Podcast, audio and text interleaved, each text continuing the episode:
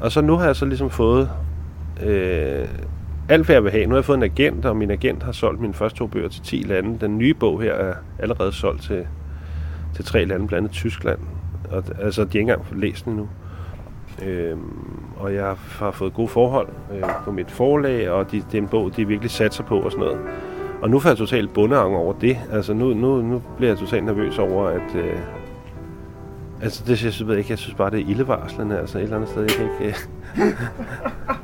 Øh, altså forstår du, hvad jeg mener? Altså, Nej, det gør jeg fandme ikke, Kasper. Nej, men... Øh,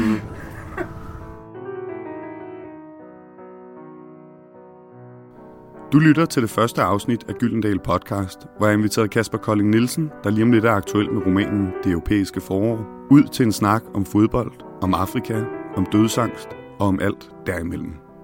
Mit navn er Sigurd Hartkorn Pletner. Velkommen til. Hej Kasper. Hej, Sigurd. Kan du se dig? Tak. Der har lige været... Øh, der er terror, eller, hvad hedder det, terrorpoliti heroppe i Herlufs Troldeskade. Lars Lykke bor deroppe, de har åbenbart fundet en taske, så der er fuldstændig spærret af. Nå. Prøv se, det der, ikke? Det der, det er en, en, en Russell Terrier. Det er, det er verdens tredje hurtigste hund, så den er så lille. Den løber 60. Den der? Det er rigtigt. Jeg vil, vil lige forklare, at det er en hund på størrelse med en kat, der går hen langs kajen. De bliver brugt, øh, de bliver brugt til sådan nogle hundevedløb i England, så for noget billig, billig uh, hundevedløb. Det er rigtigt projekt på YouTube. De løber 60. Hvad hedder de? Jack Russell Terrier. Okay. De løber, det er helt vildt at se dem. De, de løber simpelthen sorte.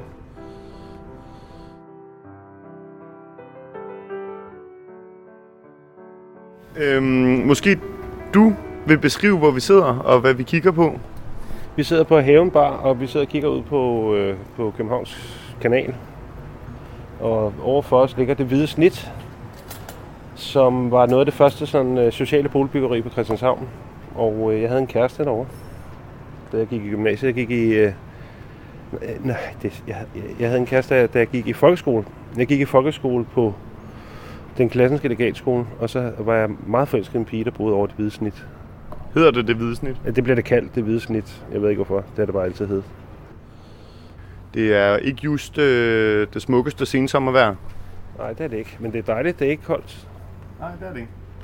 Så sad jeg faktisk på mit kontor i dag og skrev, og så havde jeg åbnet vindue, og så havde jeg jakke på. Og så fik jeg sådan hede, og så begyndte jeg bare at svede helt vildt. Og så tænkte jeg, at, øh, at jeg var kommet i overgangsalderen, ligesom, altså, ligesom en kvinde. og, øh, men så tænkte jeg, Hvorfor, hvorfor ikke ligesom en mand? Jamen, øh, men du ved, at, at man, altså, du ved, kvinder får de der hedeture, ikke? Okay. Og så tænker jeg, så har jeg engang læst, at, at, at mænd kan også få en, altså sådan noget, en lille smule. Og så tænker jeg, det kunne godt ligne mig at få sådan noget. Jeg fik også en fødselsdepression, da min kone havde født.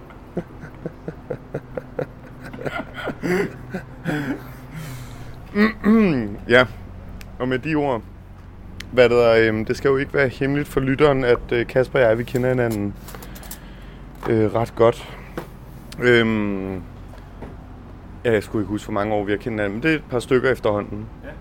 At Mik og jeg havde været ude og holde foredrag, og så havde vi mødt dig bagefter, og så, og så øh, var, var du i gang med at skrive en bog nu. Efterfølgende så snakker vi jo om din bog, Ja. og mødtes og diskuterede den, og jeg læste den nogle par gange, og du, du var meget øh, ihærdig, synes jeg. Og jeg synes, det var en god bog, og, så- og, og så synes jeg, at du, at, at, altså, du skrev den jo om fire-fem gange eller sådan noget, ikke? Og det er jo også sådan, og det er jo sådan noget, altså det er jo det, det er jo det, alle gør, tror jeg nærmest. Ikke alle, der gerne vil udgive noget. Altså, det, det er ligesom forskellen, synes jeg tit på, at øh, om det ligesom lykkes, eller det ikke lykkes, det er, du ved selv, når det er sådan, man føler måske et eller andet sted, man er færdig. Men så alligevel ligesom arbejde stenhårdt på den i et år eller mere derfra, ikke? Altså, og det, det gjorde du jo.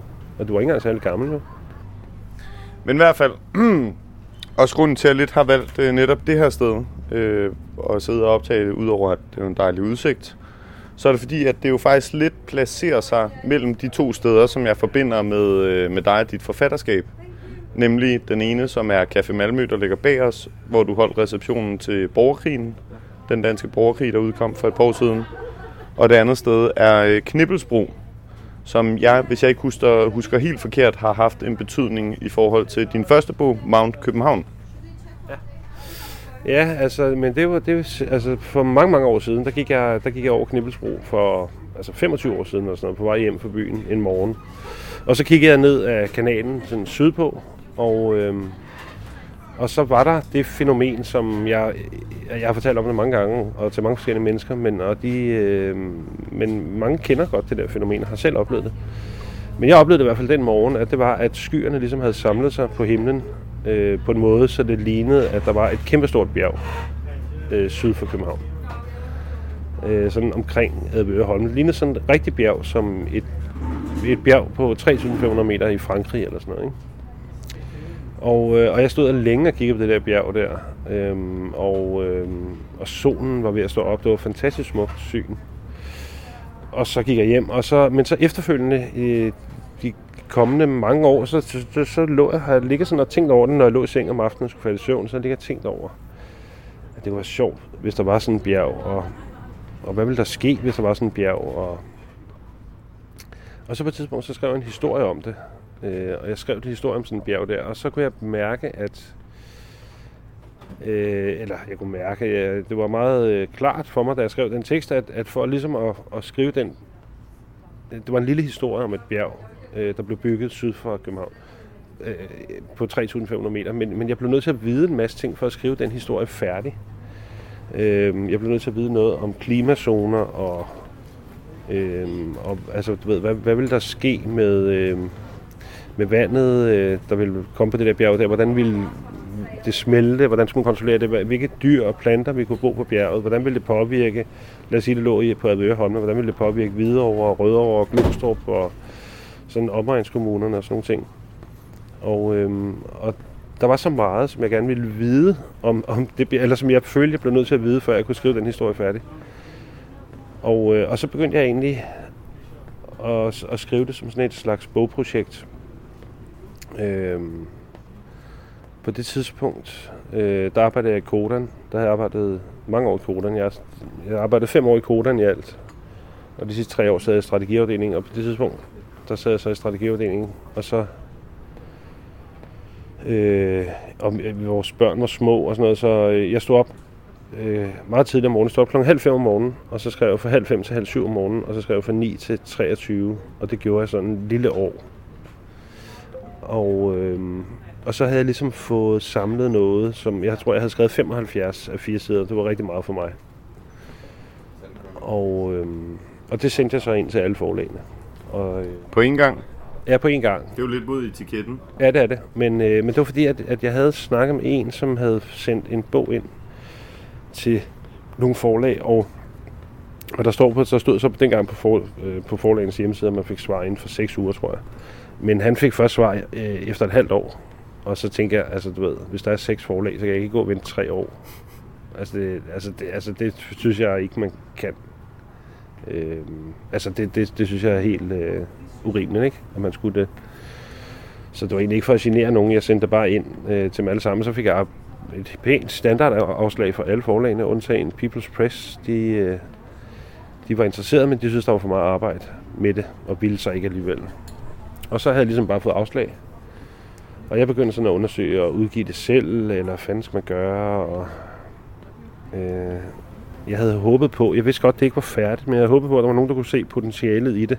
Og jeg, jeg kunne bare ikke skrive mere lige der, fordi at, at det havde stået på så længe, det der med at stå op der, sådan meget tidligere om morgenen. Jeg, jeg, jeg havde ikke rigtig, og samtidig med, at jeg havde fuldtidsarbejde, det var også et rimelig krævende arbejde, jeg havde, og jeg, jeg, jeg, jeg, jeg, jeg følte bare ikke, at jeg kunne mere. Men så efter et halvt år, så ringede Gyldendal, øh, en der hedder Janne, øh, Janne Breinholt Bak ringede, som senere blev med redaktør, og hun sagde, at hun ville gerne mødes med mig og snakke om det, og, og sammen med hende, der udviklede vi det så, kan man sige, min første bog, som udkom halvandet år senere. Og, øhm, og det, altså selve det, at hun ringede, og selve det, at jeg lige pludselig sad på Gyldendal og havde en redaktør og sådan noget, altså det var en utrolig motiverende faktor for mig, fordi at, at jeg har altid, jeg har altid vil være forfatter. Jeg vil, jeg vil være forfatter, siden jeg var 10. Og jeg, jeg ved ikke hvorfor, men jeg har også altid haft en anden side øh, af mig selv. Altså på den ene side, så har jeg altid tænkt på mig selv som forfatter. Jeg, jeg, jeg, jeg, en, jeg var forfatter, jeg, var bare ikke, jeg havde bare ikke udgivet noget nu. Sådan har jeg altid tænkt på mig selv. Men så havde jeg også en anden side af mig selv, som var, at jeg, jeg, altså, jeg synes, det var også lidt svært at tro på, at jeg var du ved, forfatter, fordi at, øhm, på det første har jeg ikke skrevet noget.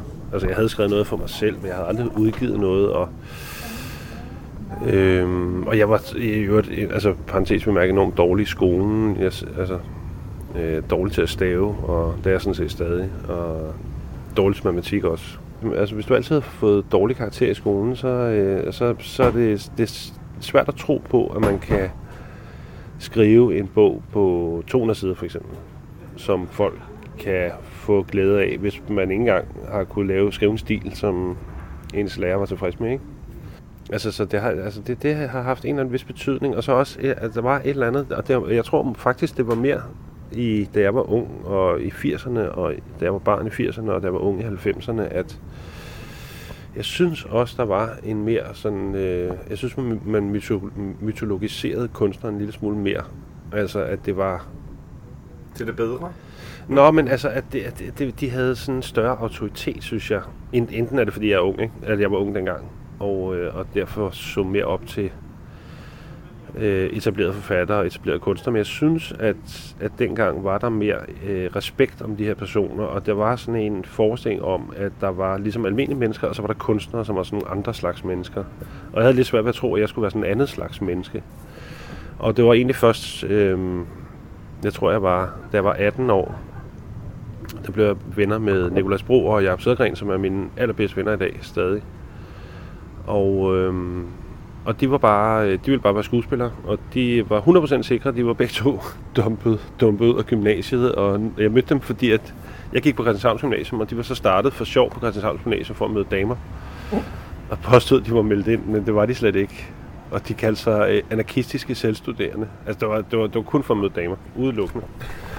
Og, øh, men vi blev venner, mig og Jakob og Nikolas, og det var, Jakob og Nikolas var venner i forvejen, ikke? Og, Øhm, og, de, og de ville bare være skuespillere, og de ville gøre hvad som helst for at blive skuespillere, og de havde ligesom ikke tænkt sig at, at lade noget komme i vejen for den drøm, og de gjorde alt muligt. Altså, de var enormt modige også. Altså, de, altså hvis de overhovedet havde en chance for at optræde et eller andet sted, så gjorde de det bare med det samme, ikke? Altså, ikke, der var ikke noget med, eller der var ligesom ingenting, som, jamen, som forhindrede de. På et tidspunkt fik de af urensagelige grunde, da vi var 19, der fik de et job med, at de skulle underholde, de skulle være konferencier til en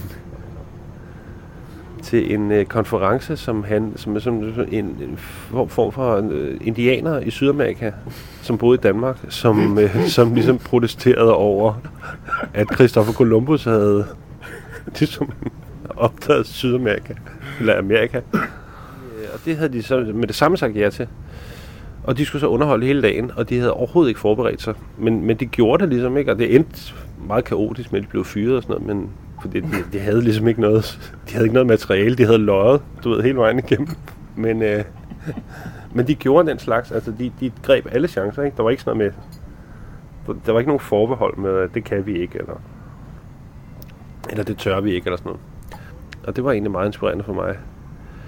Øhm, og jeg havde så hele tiden, kan man sige, haft den der drøm om at blive forfatter, men så, jo ældre jeg blev, så blev det jo sådan mere og mere øh, problematisk, den der, altså, den der hemmelige forfatteridentitet, jeg har haft i så mange år. Fordi at, øh, og jeg, altså, hvis jeg ikke havde, altså, hvis det ligesom ikke var lykkedes, eller jeg ikke kunne, så, øh, så, ved, så, så ved jeg slet ikke, kan jeg slet ikke overskue situationen. Altså, jeg var hem, totalt hemmelig om det.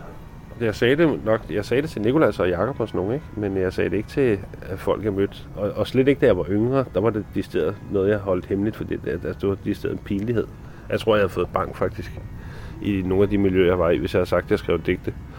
Altså, jeg spillede fodbold fra mamma, og altså, du ved, dem jeg var spillet på hold med, var, de begyndte så småt at lave rambok-teorier, da vi var 12-13 år, ikke? Og en af, en af dem, jeg spillede sammen med, hed Allan, han, øh, jeg kan huske, han var i, i det børneprogram, der hed Zigzag, og der skulle stjæle en bil på under 30 sekunder. så ham kender jeg, han spiller fodbold. Nå, men, altså, du ved, så de der drenge der fortalte jeg ikke, at jeg skrev digte til, vel? Og jeg havde så prøvet flere gange, da jeg var blev 30, der begyndte jeg sådan første gang at tænke, at nu bliver jeg simpelthen nødt til at... Altså, jeg havde skrevet rigtig meget. Jeg havde skrevet rigtig meget. Jeg havde, jeg havde sådan nogle øh, dagbøger, sådan nogle øh, kinesiske, de der kinesiske skrivehæfter der, dem har jeg rigtig mange af derhjemme i mit skab. Og jeg, så, altså, du ved, jeg har skrevet sådan kontinuerligt, måske næsten dagligt faktisk, i mange år. Men jeg har aldrig skrevet noget færdigt. Altså, jeg har ikke engang skrevet, jeg har måske skrevet to, tre noveller færdigt. Altså, du ved, hver, andet år bliver man inspireret, og så får man en pissegod idé til en novelle, og man ved præcis, hvordan den skal være, og så skriver man den, og så en pisko. pissegod. Problemet var, at man kan ikke gå med to år, hver gang man skal skrive tre sider, eller sådan noget. Øhm, og det var ligesom der, jeg var. Og så da jeg var omkring 30, så tænkte jeg, nu bliver jeg simpelthen nødt til at, at, at prøve at gøre noget ved det. Og jeg prøvede virkelig at gøre noget ved det, og det gik bare ikke. Ja, så, sagde, så sad jeg og snakkede med min kæreste om det i dag. Jeg, godt nok en historie, jeg har fortalt før, men, men det er rigtigt. Altså, jeg sad og snakkede med min kæreste en, en dag ude på, på bagtrappen, og så... Øhm, og jeg sagde, jeg synes ikke rigtig, jeg havde noget at skrive om. Og, nej, det sagde jeg ikke. Jeg sagde, jeg sad og brokkede mig over dansk litteratur. Jeg sagde, jeg synes, dansk litteratur er kedelig gennemgående. Og fantasiløst, og småt, smålig og sådan noget. Og, øh, og så sagde hun, øh, at hun synes, at jeg hellere skulle skrive noget selv, i stedet for at sidde og brokke mig over, hvad andre skrev. Og så sagde jeg, at jeg kan da, jeg kan da sagtens brokke mig over dansk litteratur, uden at skrive noget selv. Og så sagde hun, ja, men jeg, jeg tror godt, jeg ved, hvorfor du ikke skriver noget selv. Jeg tror, det er, fordi du er bange for, at du ikke er så god, som du selv tror, du er.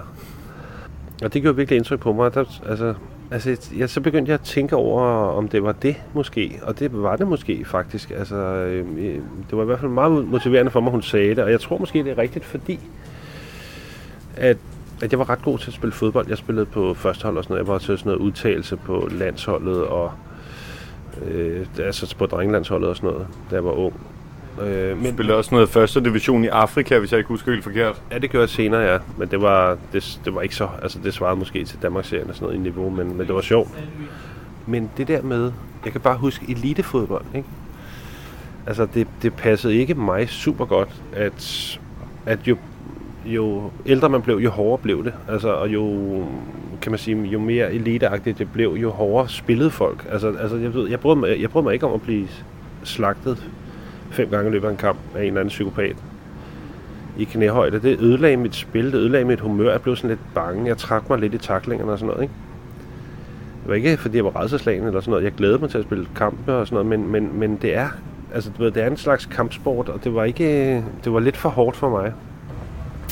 Og så besluttede jeg, besluttede jeg så for at, at stoppe fodbold, men det har altid, det har altid, jeg har altid, den del af mig har altid fortrudt det lidt, at jeg aldrig fik prøvet hvor god jeg var. Altså, hvor god jeg ville være blevet.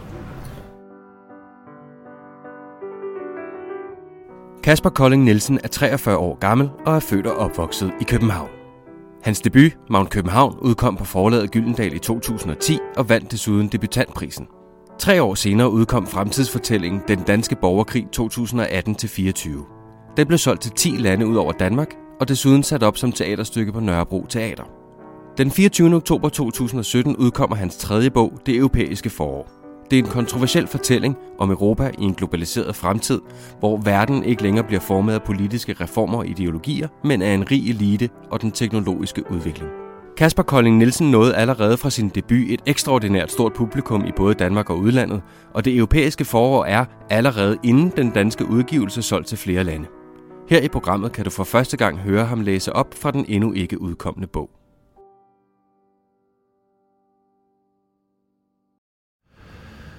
Hvem ved, måske var det rigtigt. I hvert fald så betød det, at jeg ligesom, jeg begyndte at lægge en plan, det der med, at jeg stod op der meget tidligt om morgenen, og, og skrev om, både om morgenen og om aftenen og sådan noget, og det gjorde jeg så en periode. Det, og det fungerede altså enormt godt, og det er, jeg fortæller det altid til folk, også når jeg holder skrivekurser, fordi at, øh, at det er altså meget, øh, altså du ved, det er altså meget, det handler meget om at sætte sig ned på sin flade røv og komme i gang, og det er klart, det er svært i starten, det er ligesom at løbe. Altså, det er klart, du kan ikke løbe en maraton første gang, du løber, men du, du bliver nødt til at løbe 3 km, ikke? Og så, øh, og så langsomt, hvis du gør det, altså jævnligt, helst hver dag, men i det mindste jævnligt, altså, så bliver du langsomt bedre, altså, og man, man bliver bedre til at komme i kontakt med det, som er det, som er, er det, det, der kan være inspirerende, ikke? Men det er sjovt, fordi det er jo en, altså en fuldstændig modsat proces end min. Øh, jeg har jo ikke, det er ikke lykkedes mig at skrive noget som helst brugbart i Danmark, øh, fordi jeg bliver distraheret. Jeg bliver distraheret af alle de ting, der er at tage sig til, og et hverdagstrummerum, og jeg er unysgerrig, jeg er øh, ugidelig. Og det der med at tabe ind i en tekst i to timer eller tre timer, og så skulle noget andet. Ja. Eller har en hel dag bag sig, og så lige hurtigt hoppe ind i en tekst. Det kan jeg ikke. Nej. Så jeg laver dem der, som du ved, hvor jeg tager 3-4 uger til et eller andet bjergeområde i Italien, eller i Yemen, eller i Marokko. Og så sidder jeg, så er jeg i det fra morgen til midnat. Men så på tre uger kan jeg så også producere, hvad jeg ellers vil kunne på et år, ikke? Jo. Men, men det gør jeg jo også. Altså, når, hvis jeg får sådan nogle... Altså, til, jeg gør det ikke lige så meget som dig, men jeg, jeg, hvis jeg får sådan nogle ophold, øh, man kan søge om, så, så det gør jeg jo også. For eksempel i vinters var jeg i, i Marokko også at skrive. Det var, det var skide godt. Jeg fik skrevet rigtig meget. Men, men der er jo den forskel, at på os to, at da jeg var i 20'erne, der ville jeg slet ikke være i stand til det her. Altså, der ville jeg, jeg havde slet ikke den disciplin overhovedet til sådan noget her, da jeg var i 20'erne. Altså, for det, det kræver meget disciplin. Altså, altså, det kræver meget selvdisciplin, ikke? Altså, det er jo ikke, altså, der er mange frustrationer forbundet med at, at skrive en bog. Altså, nu her, min nye bog, den er 347 sider, kommer til at ende med at være, og altså, der er måske mange, der hører det her, som har prøvet at skrive speciale, eller en phd afhandling eller sådan noget. Det, det, altså, det, det er jo et hårdt arbejde, og det er svært at få det til at, at stemme det hele, og det er ikke bare noget, altså det hele kommer jo ikke bare flyvende, øh, du ved, ud af røven på en, eller, altså, det er jo noget, man ligesom skal kæmpe for, og meget af det er noget, det man skriver er ikke godt nok, og så skriver man måske noget, man rigtig godt kan lide, men som ikke passer ind, og altså, og alt det der med at skrive om og om og om. Altså i vinters, der slettede jeg 104 sider på min bog, på mit manuskript, som på det tidspunkt var 204 sider. Og jeg vil tro, at det har jeg sådan... Altså jeg, jeg vil tro undervejs, i de fire år, jeg har skrevet på den, jeg tror, jeg har slettet 200 sider. Eller der er 200 sider, jeg har skrevet i den tro, det skulle med i den bog, som, men som ikke kommer med, fordi at det enten ikke passer ind, eller for dårligt, eller fordi at bogen skulle i en anden retning, eller et eller andet. Men, men det er jo sådan et klippe, øh, pusse, skrive om arbejde, redigeringsarbejde, som er mm, hvad hedder det, som, er, som, som kræver meget selvdisciplin, og det havde jeg slet ikke, da jeg var i 20'erne. Altså, det var først efter, jeg fik børn, jeg, jeg kunne det. Og, og når man har børn, så er det godt være, at man har det bedst i bjergegne i Italien og sådan noget, og i Marokko og sådan noget, men så er det, så er det, så er det bare ikke sådan, øh, altså det, det kan man bare ikke, når børnene er små, fordi der er man totalt presset hele tiden. Så, så kan du ikke bare rejse væk tre uger. Så, så det er jo bare de præmisser, der er. Men, øh, men, men, det, men det, altså, du ved, det er præmisserne, og du ved, alle, der vil være forfattere, de må igennem det der og skrive imod alle odds, og du får ingen hjælp med den første bog, vel? Du kan ikke, engang, du kan ikke søge nogen støtte, der er ikke nogen professionel, der gider at hjælpe dig. Øh, altså redaktører for eksempel, eller... Altså, du er bare dig selv, og, og, og jeg sad på et tidspunkt, nogle gange, da jeg skrev på min første bog, så sad jeg og tænkte, inden jeg havde fået kontakt til noget forlag, så sad jeg og tænkte, fordi jeg vidste, at Gyldendal får 1500 udfordrende manuskripter om året, og der er to-tre stykker, der debuterer, ikke? Så det er sådan noget tæt på en promille, eller sådan noget, ikke? Der var tæt på en promille chance for, at, at de ville tage det, ikke? Og jeg sad sådan på mine dårlige dage, så sad jeg nogle gange og tænkte, at at hold kæft, for lang tid på, på det her. Og i forhold til, hvor, hvor, altså, hvor, hvor usand, totalt usandsynligt det, det er, at, at, at nogen gider at udgive det, ikke? Men, men det er jo bare sådan, det er. Altså, det er jo, det er jo den chance, alle skal tage. Altså, der, der, er jo ikke, der findes jo ikke nogen forfattere i hele verden, der ikke har taget den chance. Det er bare, det er bare sådan, det er. Hvis vi så prøver at spole lidt frem og sige, nu er det sådan, at du er jo faktisk en etableret forfatter, en ganske etableret forfatter. Du får fantastiske anmeldelser, du bliver oversat, vinder priser for legater. Du er trådt op i en, i en, i en meget højere liga nu, og jeg kender jo godt den drivkraft, der ligger i at skulle bevise sig selv, og i at skulle blive antaget på et forlag. Hvordan ændrer den motivation sig, eller hvordan har den ændret sig for dig i forhold til nu, hvor, hvor du jo er en, der bliver forventet af, eller hvor, hvor det næsten goes without saying, at, at det er godt, det du laver. Altså bliver det et pres, eller bliver det, øh, kan du kanalisere det ind til en anden drivkraft? Ja, altså hvis jeg skal være helt ærlig, så da min, da min første bog var færdig, om København, der tænkte jeg, at, at det her, det er meget bedre end det, der findes. det, det, altså i hvert fald, det tænker jeg på mine gode dage, ikke? Og, og derfor så synes jeg, så var jeg faktisk lidt frustreret over, at jeg, jeg blev ikke anmeldt særlig meget. Og de anmeldelser, jeg fik, jeg fik faktisk, grundlæggende fik jeg en anmeldelse. Og der fik jeg fire hjerter i politikken, og den var en lille smule nedladende, den anmeldelse. Jeg var faktisk ret irriteret over den anmeldelse, fordi at det var nedladende på en, på en, på en dum og snobbet måde. Og jeg, jeg, jeg husker stadig du ved, navnet på vedkommende til den, den dag i dag. Og, øhm, og den anden anmeldelse, jeg fik, fik var i Berlingske Tiden, og det var mere eller mindre en forkortet udgave af den i politikken. Altså mere eller mindre en afskrift, faktisk. Så jeg følte, jeg fik, jeg følte, jeg, følte, jeg fik for lidt der. Men så skete der jo så det heldige, at jeg vandt øh, debutantprisen ud af det blå. Og det ændrede jo så alt muligt. Og så faktisk så, så begyndte det at blive omtalt som den anmelderroste forfatter Kasper Kolding Nielsen. Og, altså, du ved, prisvindende og anmelderroste. Men jeg var ikke anmelderrost. Så, så det var sådan var det dengang. Der følte jeg at jeg fik lidt for lidt. Så kom borgerkrigen, så, og der fik jeg jo så seks hjerter i, i politikken. Og det var, det var, det var, der, det er nu der er ret mange, der har fået seks hjerter på det seneste, men, men det, var, det, var ret, det var et stykke tid siden, en Gyldendal forfatter havde fået seks hjerter i politikken i hvert fald. Så det var ret, det var en lidt en begivenhed. Og, øh, og så fik jeg også nogle halvdungne anmeldelser. Men jeg fik gennemgående fik jeg ret gode anmeldelser. Er politikken kaldt, eller Yes, som skrev anmeldelsen, så vidt jeg husker, kaldt der Dansk Litteraturs nye verdensnavn? Øh, ja, og Øhm, men men der, det gik jo, altså det gik rigtig godt. Det gik, det var, gik over al forventning. Det var jeg var simpelthen så glad for. Men der var nogle ting, altså fordi da jeg udgav borgerkrigen, der havde jeg forsøgt at få en agent. Der var ingen, der ville have mig. Jeg kunne ikke rigtig forhandle kontrakt og sådan noget. Altså det var, det var ligesom... Øhm, det var sådan... Jeg synes, det var, det var sådan lidt svært. For, og, og, selvom Magne København havde faktisk solgt 20.000 eksemplarer på det tidspunkt. Og det er rigtig meget for en novellesamling, rigtig meget for en debuterende forfatter. For en dansk bog i det hele taget? Ja, ja, det, det, er, det er ret usædvanligt. Altså, det er jo ikke helt oppe i den allerhøjeste liga. Der er jo nogen, der sælger meget, meget mere, flere hundredtusind eksemplarer, men, men for den sådan type bog er det ret meget. Men, men borgerkrig, altså jeg var ligesom bare stadig sådan... Jeg skulle ligesom bare være stadig være glad for at overhovedet få den udgivet, den anden bog, følte jeg. Og det var jeg sådan set også, sådan havde det også. Jeg følte ikke, jeg havde så meget at forhandle med. Og jeg havde heller ikke nogen penge. Jeg var fuldstændig flad, da bogen endelig var færdig der var ligesom gået bankerot, og det, sådan er det jo tit også med forfatter. Man bruger ligesom alt, hvad du har tjent og sparet op på andre jobs, det bruger du ligesom på at skrive din bog færdig, og det er fordi, det altid trækker ud, og det bliver altid meget mere omfattende, end man havde regnet med, at man, så var man bare fuldstændig flad, du ved. Så jeg havde, jeg havde fået nogle penge af forlaget, og for at skrive den færdig, og, og skrevet under på en kontrakt og sådan noget. Og det var så fint nok, den udkom så. Men den solgte så også meget, fik gode anmeldelser.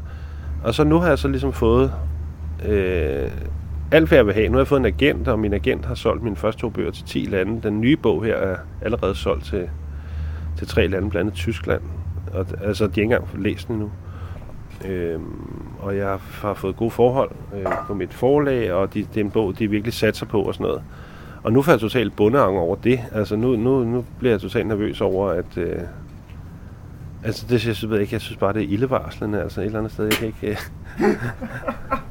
Uh... altså, forstår du, hvad jeg mener? Altså, nej, det gør jeg fandme ikke, Kasper. Nej, men... Øhm... Nej, men så er jeg bare, det er jeg bare bange for... Altså, altså præstationsangst? Jo, men jeg er bare bange for, at jeg ikke kan leve op til de forventninger, som... En, altså, nu der, nu, nu der... Altså, før, der var det... Der, lige til at starte med, der sad jeg bare helt alene og skrev. Der var ingen i hele verden, der havde nogen forventninger om, at det skulle blive til noget som helst. Nu er der øh, 100 mennesker eller sådan noget, der har sådan professionelle forventninger, har investeret du ved, tid og penge i, at det skal blive en god bog. Jamen altså, det, det er bare, jeg kan, altså, du ved, jeg kan, altså, jeg kan bare nærmest forestille mig øh, stemningen. altså, jeg, jeg ved ikke, jeg, jeg, nu, altså, du spørger om, hvordan har det ændret sig, nu er jeg enormt nervøs over, at det hele på en eller anden måde kørt i stilling du ved, hvis det bliver en rigtig god bog, så bliver den solgt til rigtig mange lande. Øh, hvis jeg får gode anmeldelser og sådan noget, så bliver den, så bliver den sikkert også sælge ret meget, fordi det er en lidt bredere skrevet bog. Men, men det kan også bare være, at det ikke sker. Altså, og det kan være, at det bare øh, den sælger 2.000 eksemplarer, ligesom de fleste andre bøger. Jamen, før vi går videre til bogen, det lader sig jo vente i spænding.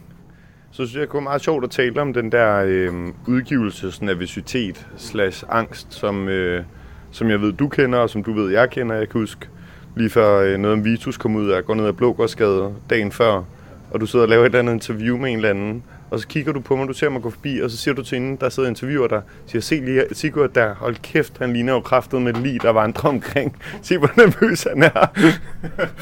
Jeg kan ikke huske, at jeg trådte sådan på dig, da du lå Jo, det gjorde du. Jeg lå ned og rallede ude i kantstenen, og så foran fremmede mennesker, der sparkede du lige til mig. Ja. Men, øh, ja, men det er jo bare enormt forfærdeligt hårdt. Jeg, sag, jeg, jeg spiste frokost med øh, øh, Christian Jorgensen i går, og han, øh, han sagde, at han havde det også på den måde. Du ved, han, han skriver... Han er jo meget lang om at skrive sine bøger, som jo også er dobbelt så lange som mine. Men øh, han er otte år om at skrive en bog, og og, øh, og det er jo rigtigt, altså han sagde det, han formulerede det bare meget godt, man har ligesom lagt alle sine æg i en kurv, ikke? Altså man har ligesom bare, altså det er sådan en sats hver gang, ikke? Man er flad, altså fysisk og psykisk, og man har brugt alle sine penge og al sin energi på, på det her projekt, og, øh, og, det, og, og brugt mange år på det, og mange års hårdt arbejde, og netter, og det går ud over alt muligt familie og venner, og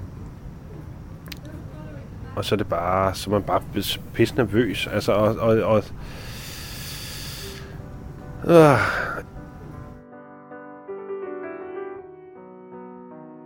Mens Emma blev indlagt, sad Stig i et møde med en kvindelig kunstner, der hed Nina, som brokker sig over, at hendes kunstkursus gennem kommunen var blevet lukket.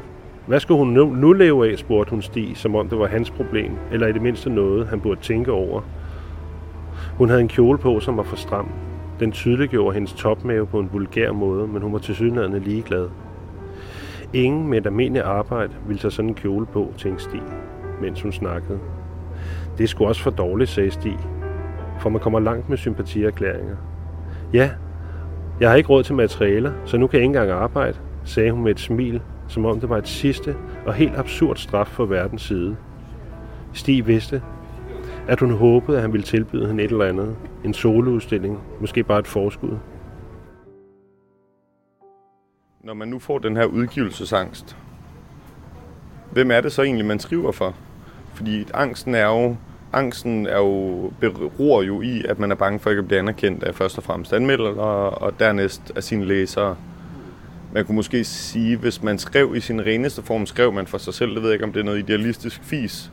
Men kan du følge mig, fordi det, det er jo den angst, der må jo grunde ja. i men noget ja, andet. Ja, men det, det er rigtigt. Altså, jeg tror, der er mange ting omkring det, at vi være forfatter, som er overfladiske i, i en, den forstand, at det handler om, at man gerne vil, vil være en succes, og man gerne vil beundres af andre, og man vil gerne klappes af, og, og, og vil gerne have, at folk skal synes, man er dygtig og sådan nogle ting. Det, det vil jeg slet ikke afvise. Det tror jeg er en stor del af det. Men, øh, men der er også en anden ting af det, i det, som øh, i hvert fald har betydet rigtig meget for mig, og som, og som egentlig smelter lidt de to ting sammen, som du øh, nævnet før som en modstilling.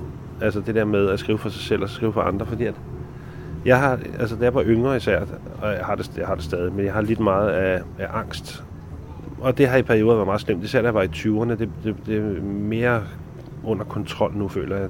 Men, og en af de ting, som virkelig har hjulpet på min angst, har været to ting. Det ene har været, at jeg har fået børn, som jeg har ansvar for. Det vil sige, at jeg, altså, jeg bliver ligesom nødt til at tage mig sammen i nogle situationer. Der er simpelthen nogle situationer, hvor jeg er ved at flippe ud over et eller andet, hvor jeg bliver nødt til at tage mig selv i det. Jeg er nødt til at øve mig selv i at tage mig selv i at flippe ud, fordi at jeg har ansvaret for nogle børn. Det er, den, e-, det er den ene ting. Det har betydet meget for mig.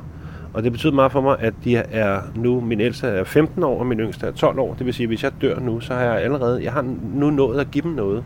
Altså det er ikke super, altså det gør det mindre tragisk, hvis jeg dør. Altså jeg føler, jeg har haft kræft og alle mulige andre sygdomme.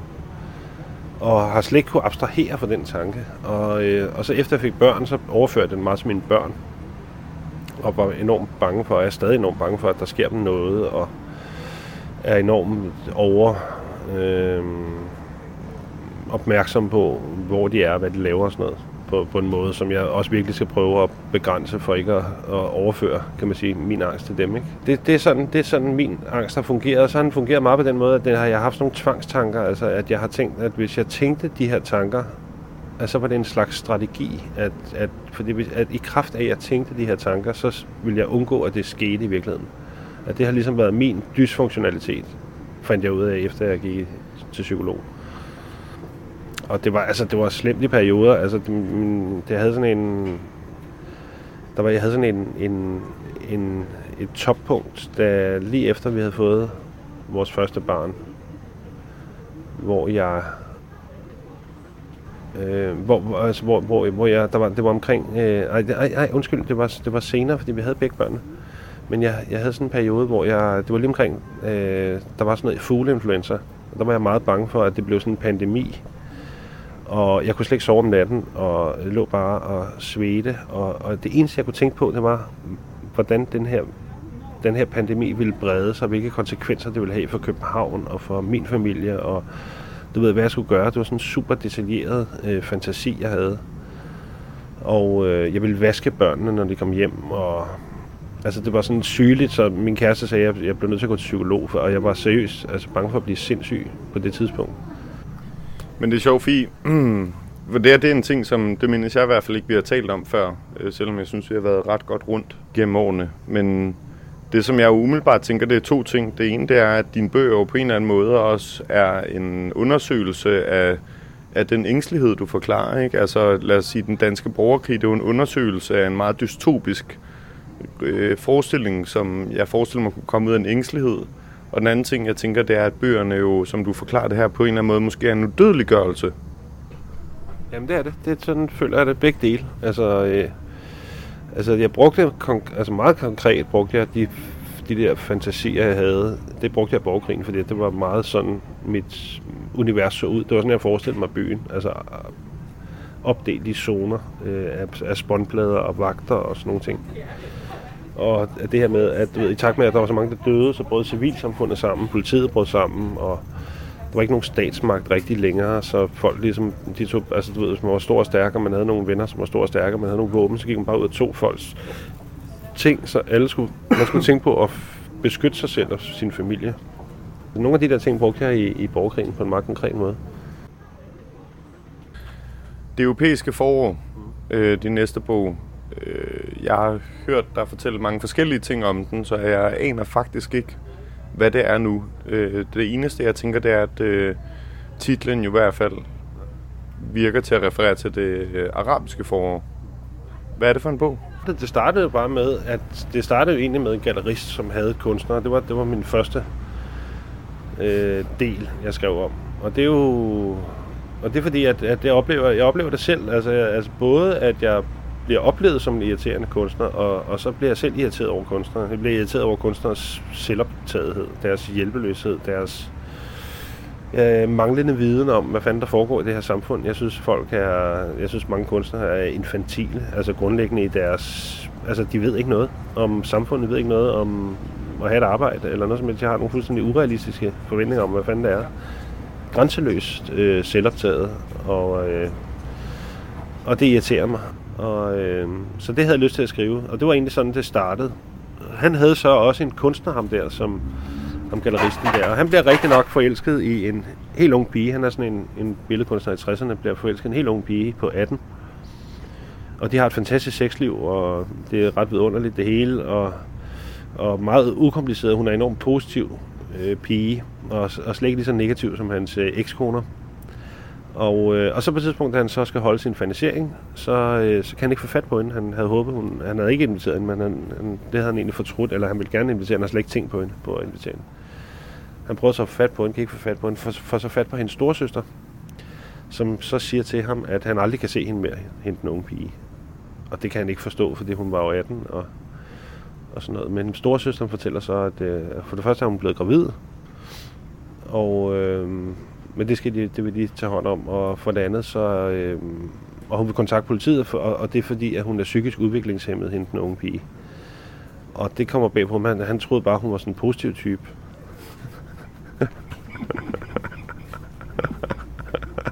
er det noget fra øh, virkelige hændelser, noget baseret i erfaring? Nej, nej.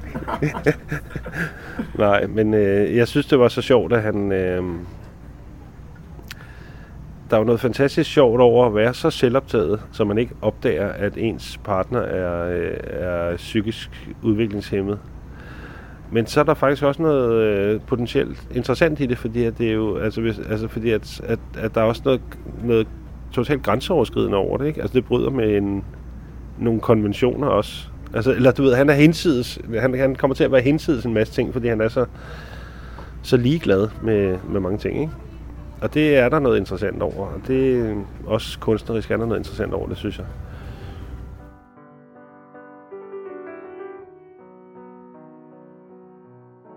Langt senere. Jack forsøgte at sætte sig ordentligt. Han lagde sig på maven, men rullede snart rundt på ryggen, for så at sætte sig frustreret op på numsen. Han lod sig derefter falde baglæns, så han hvilede ryggen mod træstammen. Vilhelm betragtede ham. Transformativ dissonans, sagde Vilhelm. Hvad? Det var det, du lige oplevede. Er hvad for noget? Transformativ dissonans. Jeg læste om det for nyligt. Det er det, vi intelligente dyr oplever fra tid til anden. Det er oplevelsen af, at vores kroppe ikke passer til vores hjerner. Se på mig. Jeg kan jo ikke læse en bog. Vilhelm slog den ene vinge ud. Det kan du da. Jeg har set dig læse almindelige bøger masser af gange. Du bladrer med næbet. Ja, ja. Det var et dårligt eksempel så. Men for eksempel, lad mig se. Når du går rundt, så går du på alle fire, ikke? Jo, det meste af tiden, ja. Og så kan du ikke gøre noget med poterne. Og Wilhelm pegede alvorligt op i luften med den ene vinge. Hvis du endelig har poterne fri, så har du netop kun Wilhelm lavet anførselstegn med vingerne, poter og ikke hænder. Altså, fordi poter ikke er designet til finmotoriske og hjernestimulerende aktiviteter, der er med andre ord en dissonans mellem din bevidsthed og din krop, og det var det, du oplevede lige før.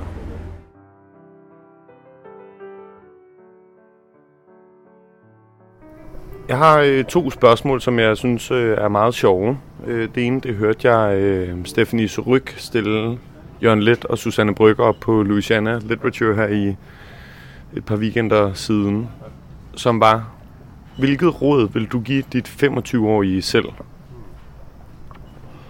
Altså jeg vil sige, at øh, det råd, jeg umiddelbart har lyst til at give mig selv, hvis jeg kunne, det var, at jeg vil sige, at, øh, at du skal ikke dø lige nu.